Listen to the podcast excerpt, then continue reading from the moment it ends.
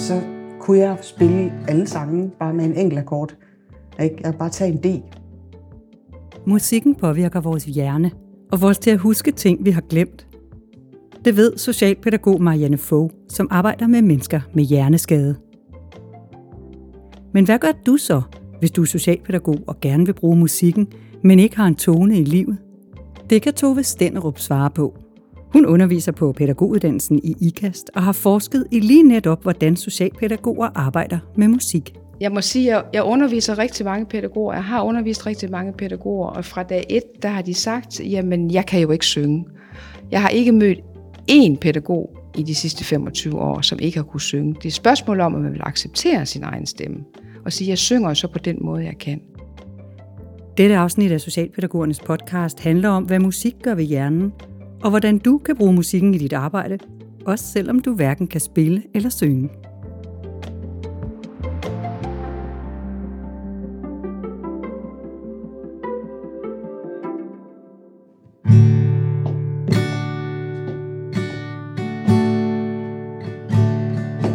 Øh, det kan bare være noget jam, vi finder på at lave vores egen sang.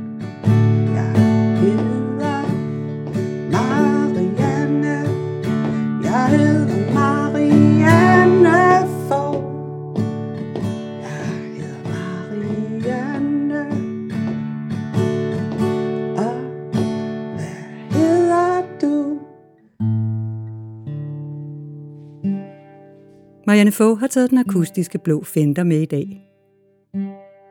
Gitaren er hendes faste følgesvend i arbejdet som socialpædagog på Tagdækkervej i Hammel, et bo- og rehabiliteringstilbud til mennesker med hjerneskade. Det kan godt være, at de blev ramt af en hjerneblødning eller en blodprop, men de overlevede. Så hvis jeg på en eller anden måde skal finde ud af, hvordan jeg kan arbejde med, med deres livshistorie, arbejde med deres hukommelse, med deres kognitive problemer, med deres sprog, som de mange gange er påvirket på, ordene, udtalen, så kan det være svært at egentlig begynde at sige en masse ord, fordi ord kan godt forvirre.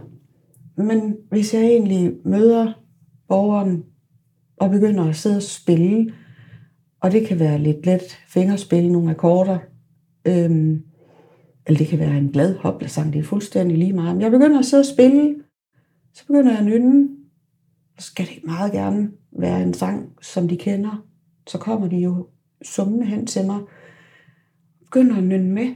Så er man ramt på, at man slet ikke har noget sprog, så er der jo mange, der begynder at nynne alligevel. Og så kan jeg jo høre, hun kan huske melodien. Hun kender melodien. Og pludselig er det også sket, at der er kommet ord med for den borger, som egentlig ikke har et sprog, som, som jeg kan være så gange, jeg ved en lærke, og så er det først på rede, at borgeren så synger med.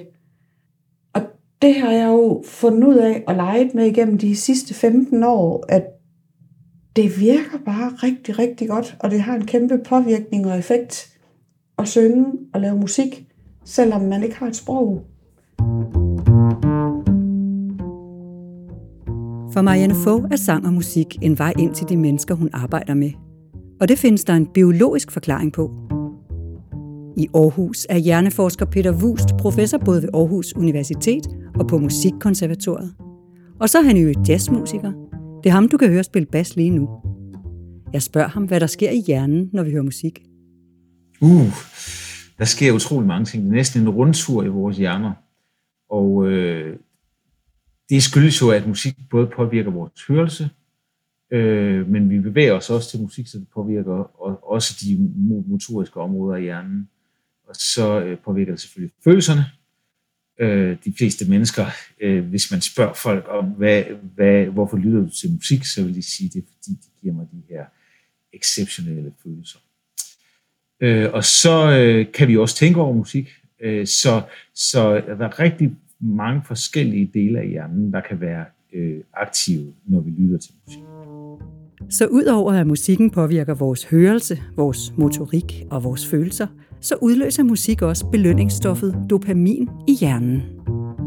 Altså, øh, vi ved fra nogle ret øh, omfattende studier, at øh, musik og dopamin hænger uløseligt sammen.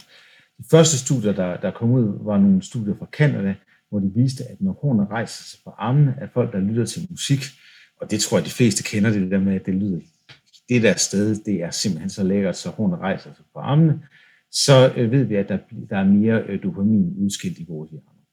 Dopamin bliver udskilt af først og fremmest to centre i vores hjernestammer, øh, og, og det ene øh, center, der hedder substantia nigra, det går til vores bevægelsessystem. Det andet center i øh, hjernestammen hedder øh, det ventrale tegmentale område, og det går til vores belønningssystem. Og i virkeligheden er det jo ret interessant, at musik både kan påvirke vores bevægelse, men at vi også kan blive bevæget af musik, og at dopamin er involveret i begge de her ting. Så, så når vi for eksempel øh, bevæger os, så føler de fleste også en form for nydelse ved det. Når vi nyder noget, så bevæger vi os også anderledes. Og øh, det er meget sjovt, fordi de gamle grækere kaldte det jo motion, altså at bevæge sig, og emotion, at blive bevæget. Og de to ting hører altså sammen i hjernen. En af beboerne på Tagdækkervej er Jakob. Han har en rød Gibson Les Paul og en Epiphone heavy metal guitar hængende på væggen. I hænderne holder han en akustisk guitar. Jakob Jensen. Jeg er ham, der er Jakob fra Hammel. Du er ham, der er Jakob fra Hammel. Hmm, ja. Måske også noget andet. Dengang Jakob var ung medicinstuderende, elskede han at spille guitar. Men det satte en trafikulykke punktum for. Eller måske snarere et pausetegn. For nu er han begyndt at spille guitar igen sammen med Marianne. Jakob, han, øh, Jakob, det er sjovt, fordi øh, Jakob og mig, vi, øh, vi har den samme passion. Øh, lige så vel som jeg er totalt dedikeret og passioneret i, at jeg bare skal lave musik, så vil Jakob også bare gerne lave musik og synge. Og hvis jeg sådan lige spørger ham, hvad vil du synge, og hvorfor vil du synge? Så siger han, jamen det er lige meget, jeg ved det ikke, men jeg vil bare gerne synge, fordi jeg bliver så glad. Mi, mi, mi, mi. Mi, mi, Quick, mi. quick. Vi skal lige have din stemme til at den sidste gang i dag. Ja. Fordi ellers så er det, vi kommer til at hænge på den her ryg. Nærmest ikke høre, hvad du siger. Nej. Det er rigtig meget Det- på. Jakob Hvid. Hid, hid, hid. La la la la la. La la la La la la la la la. Mi, mi, mi. Mi, mi, mi.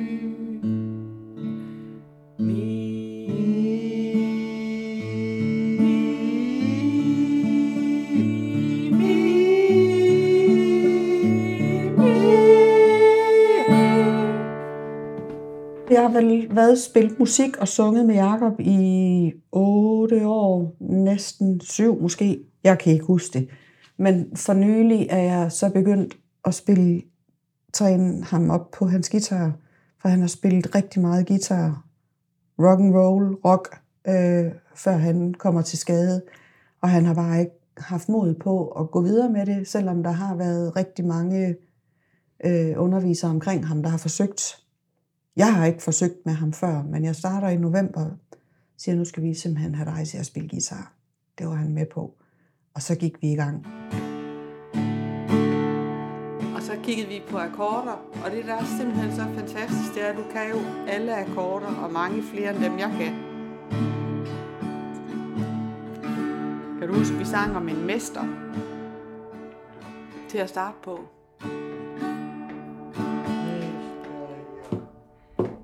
Sang i blues, tror jeg. Vi sang mester. Jakob, Mr. Jakob, så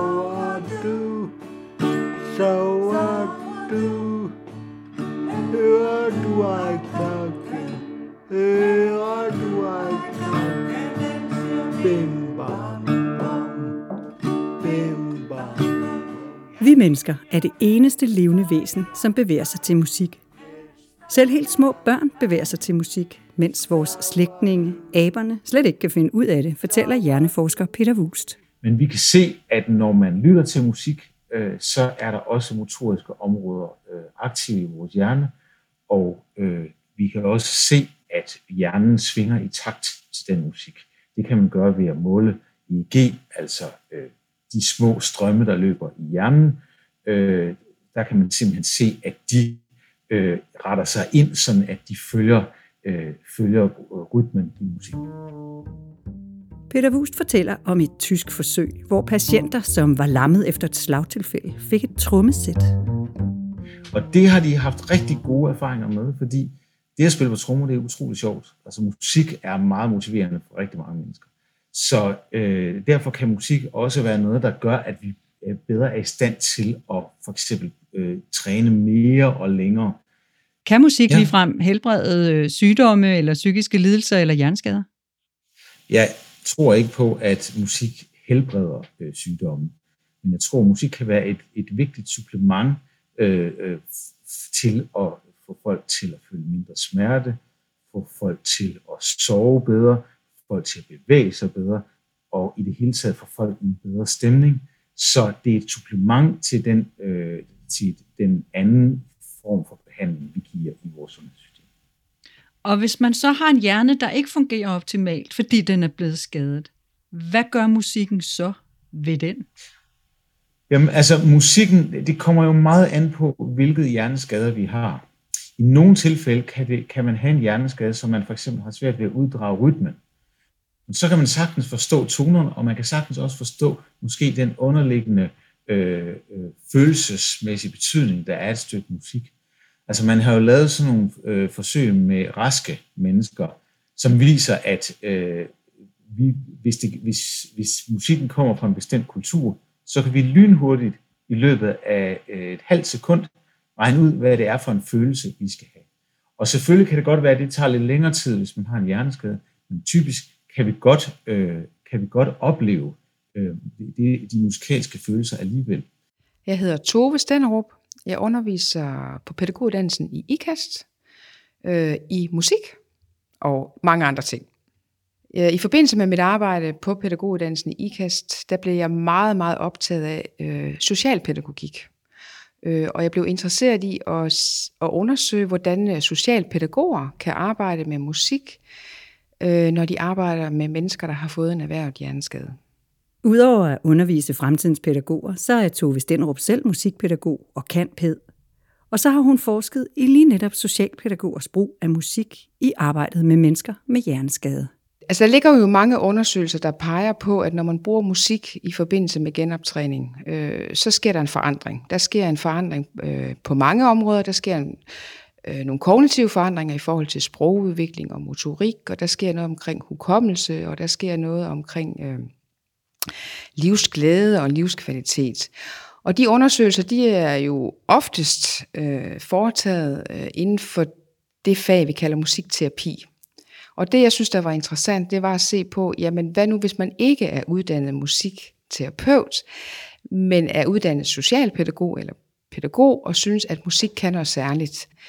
Der er ikke noget krav om, at socialpædagoger skal have nogle konkrete øh, musikalske færdigheder, kan man sige. Så de har de her almindelige musikalske færdigheder, og det var dem, jeg gerne ville tale frem. Altså, hvad sker der? Hvad sker der, når, når vi bruger det, vi kan? Det, der er interessant for, øh, ved socialpædagogernes arbejde, det er, at det er der hele tiden. Og de ser borgeren i alle situationer og kan arbejde med de her musikaktiviteter, lige når de opstår. Og det må give noget andet, tænker jeg. Ja. Og det var det, jeg fandt ud af, det gør det så også. Hvad giver det så? Jamen, øh, det giver jo altså, det giver noget for borgeren. Øh, det giver noget for borgeren i forhold til, at man får en fornemmelse af, at man kan noget, øh, man kan træne nogle ting, man kan også være sammen bare for at være sammen. Øh, det giver livskvalitet, det giver glæde, det giver en god relation. For pædagogen, der giver det faktisk øh, nogle andre måder at se nogle potentialer øh, hos borgeren på. Borgeren kan øh, lige pludselig noget mere og noget andet, når man møder musikken. Der kommer en form for genkendelse. Så hvad vil du sige, man som socialpædagog kan bruge musikken til i det socialpædagogiske arbejde? Jamen jeg vil sige først og fremmest, så øh, er der jo alle de her praktiske, eller hvad hedder det, kognitive funktioner, som man, man, man kan udvikle på. Men jeg tænker på, det er også den relation, man kan få med borgeren. Den synes jeg er helt vildt vigtig. Man får øh, noget unikt sammen, som kun socialpædagogen og borgeren har sammen. Øh, fordi vi, vi er sammen om, om, om det, vi lytter til, om det, vi gør. Det er ikke sikkert, vi ved, hvad der, er, der sker, men vi har det sammen, og vi kigger på hinanden. Den der fællesskabhed, eller følelsen af samhørighed, at det her, det laver vi sammen. Og der behøver vi ikke nødvendigvis at være aktiv-aktiv. Altså, man kan godt lave aktiv musik, uden man nødvendigvis sidder selv og synger med, eller spiller helt. Man, man er med i musikken, hvis der bliver spillet noget øh, ved siden af. Nu er det langt fra alle socialpædagoger, der færdes så hjemmevendt med en guitar som Marianne Fogh. Men Tove Stenderup sætter en fed streg under, at du ikke behøver at være en ørn på et instrument for at kunne bruge musikken i det socialpædagogiske arbejde. Faktisk går du glip af noget, hvis du overlader det til din supermusikalske kollega. Jeg tænker, man er nødt til at finde sin egen personlige måde at lave musik på. Og hvis man tænker, at man vil kopiere et andet menneske, så skal man glemme alt om det. Det, der er interessant her, det er, hvad socialpædagogen og borgeren kan sammen. Og det er deres musik, det handler om. Øh, så, så hvis ikke man vil det, eller ikke tør det, eller ikke synes, man kan det, så vil jeg bare sige, så synes jeg, at man går glip af noget. Man går glip af en, et samvær, man går glip af en faglighed, øh, hvis man tænker, at det her det er bedre, end nogle andre gør. Og det er Marianne enig i. I mine sko, så vil jeg jo sige igen, gitaren, takt, rytme og lege med toner og lyd, påvirkning, bare sidde og stemme gitaren. Jeg kan bruge en hel time inde ved en borger, som ikke har et sprog, hvor jeg bare sidder og stemmer gitaren og nynner. Og så ligger, sidder han og brummer med og siger, mm, bliver påvirket, påvirket af lyden. Der skal faktisk ikke øh, mange musikalske kompetencer til, nødvendigvis, men man skal forstå at få øje på det, og man skal forstå at have lyst til det, og man skal gå ind i, øh, i borgerens musik, hvis man så, så må sige. Det er i hvert fald noget af det, min, min undersøgelse viste, det er, at det er ikke ligegyldigt, hvilken type musik man spiller, eller man arbejder med, og det det er ikke sådan, at noget musik er finere end noget andet. Det er ikke på den måde, men for den borger, man arbejder med, er der noget, der er mere rigtigt end noget andet, hvis man vil øh, tale om hukommelse eller bevægelse. Hvis man for eksempel har, har fundet glæde ved at synge øh, med på kirkelige salmer øh, til søndagens gudstjeneste, så er det jo vigtigt, at det er der, vi tager fat, fordi det er der, man har nogle gode minder, og det er der, man måske kan huske noget udenad.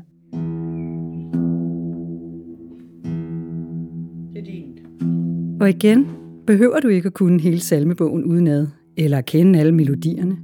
Hjælpen er lige ved hånden. De fleste borgere, mennesker i dag, dagens Danmark, har jo telefoner, iPads, computer og noget. Øh, øh, ikke nødvendigvis Spotify, men så kan vi gå ind på YouTube. Og øh, det er ikke sikkert, at man skal sidde og synge til en sang på Spotify, men så sæt noget YouTube på, og igen, jeg tænker, det er vigtigt at skabe noget, noget, noget livshistorie for at få den frem til, hvad kan du godt lide? Jamen, der er en, hvis der er en, der er til hård dødsmetal, så skal du ikke spille klassisk musik og pop. Altså, så skal vi ind og kigge på noget dødsmetal, hvor de growler og råber og skriger, hvis det er noget, han tænder på. Så kan vi finde nogle koncerter. Og, og det er i virkeligheden der, hvor man finder frem til, hvad kan vi gøre ved den enkelte borger? For det er klart, hvis vi nu sidder med ham, der har været maler eller mekaniker, som aldrig nogensinde har brugt musik igennem livet, det er ikke sikkert, at man skal lave musik med ham. Men det kan være, at man bare skal tænde radioen. Så hvis du ikke spiller guitar, eller et andet instrument, du kan tage med på arbejde, så virker musik fra radioen, fra Spotify og YouTube, eller en gammeldags CD lige så godt. Og klassisk klaver er hverken finere eller bedre end Candice. Det afgørende er at finde den musik, som borgeren kender og holder af, og så hvad I vil bruge musikken til, fortæller hjerneforsker Peter Wust. I mange, mange tilfælde, der virker musik bedst, hvis det er musik, vi kender i forvejen. Øh, men det afhænger selvfølgelig lidt af, hvad vi skal bruge det til. Men altså grund, grundlæggende, så i langt de fleste tilfælde, der virker det bedst at bruge musik inden for en stilart, vi kender, og gerne musik, vi kender i forvejen, som vi også godt kan lide.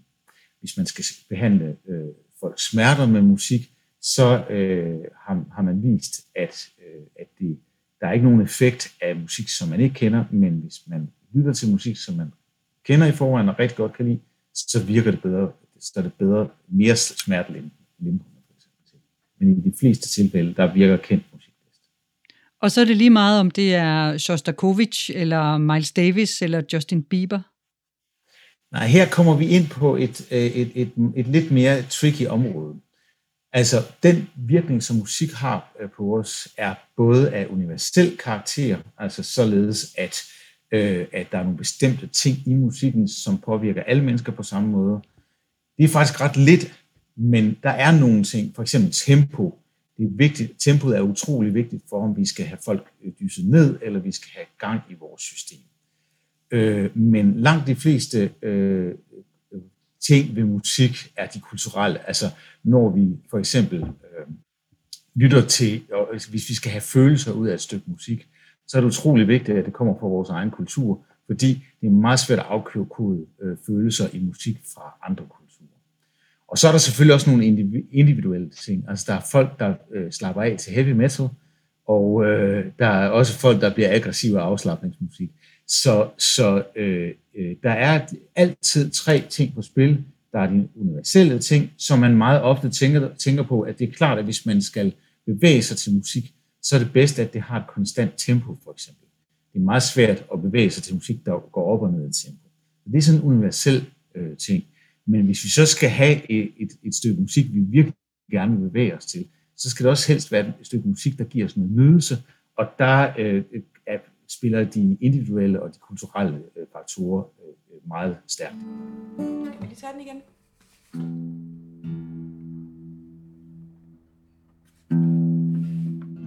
Som Tove Stenderup sagde i begyndelsen, vi kan alle synge. Det handler om at acceptere sin egen stemme. Om du lærer tre greb på en guitar eller nøjes med at synge til YouTube, så ligger der en faglig gevinst i at springe ud på det dybe. Jamen, den faglige gevinst er jo, at man ser borgeren i nogle nye situationer. Man får en indsigt. Den faglige gevinst er jo også, øh, at man selv oplever, at man kan noget. Og jeg tænker, har man, har man forsøgt sig med de her to-tre akkorder på en guitar, som man jo faktisk, når man er, ikke har en erhvervlig anskade, er i stand til at øve sig øh, med et mål og få lært i løbet af, hvis man øver sig intens, så kan man jo i løbet af en 3-4 uger få det til at hænge sammen. Og der er rigtig mange sange, hvor man kan nøjes med at bruge de tre akkorder. Så på den måde, så er det jo ikke, fordi man ikke kan lære det. Men man skal jo selvfølgelig lægge energi i det. Når man så har oplevet det, så har man jo en faglig ballast, øh, der gør, at man kan se nogle andre situationer, hvor man kan bruge det samme, måske men bare lige på en anden måde, fordi man har oplevet noget helt øh, specielt sammen. Det giver en sikkerhed. Det giver jo en, en ekstra port eller dør ind til at se, øh, altså pædagogikfaget kan man sige, pædagogfaget, socialpædagogens, øh, øh, hvad kan man sige, nødvendige tilstedeværelse, som åbner nogle, nogle, øh, nogle døre, som der er rigtig mange, der taler om, men som der ikke er så mange, der oplever. Øh, og det må give en, en øget øh, stærk faglighed og vide, at jeg, jeg kan bruge det her øh, i mit møde med et andet menneske. Til gavn for det andet menneske. Nu har vi talt om musik øh, i arbejdet med mennesker med hjerneskade og en hjerneskade, de har fået sent i livet. Hvad kan man bruge musik til som socialpædagog, som arbejder med andre målgrupper? Nøjagtigt det samme. Så frem med gitaren eller iPad'en. Du kan få endnu mere ud af podcasten, hvis du bruger det værktøj til faglig refleksion, der følger med. Det finder du ved at følge linket i episodebeskrivelsen. Du kan også få mere viden om musik i socialpædagogisk arbejde på vores vidensunivers Faglig Fokus. Det finder du på sl.dk-fagligt fokus. Tak til Jakob Hvid, Marianne Fogh, Tove Stenrup og Peter Wust. Dette afsnit af Socialpædagogernes podcast er tilrettelagt og klippet af mig. Jeg hedder Bille Stærl. Tak fordi du synger med.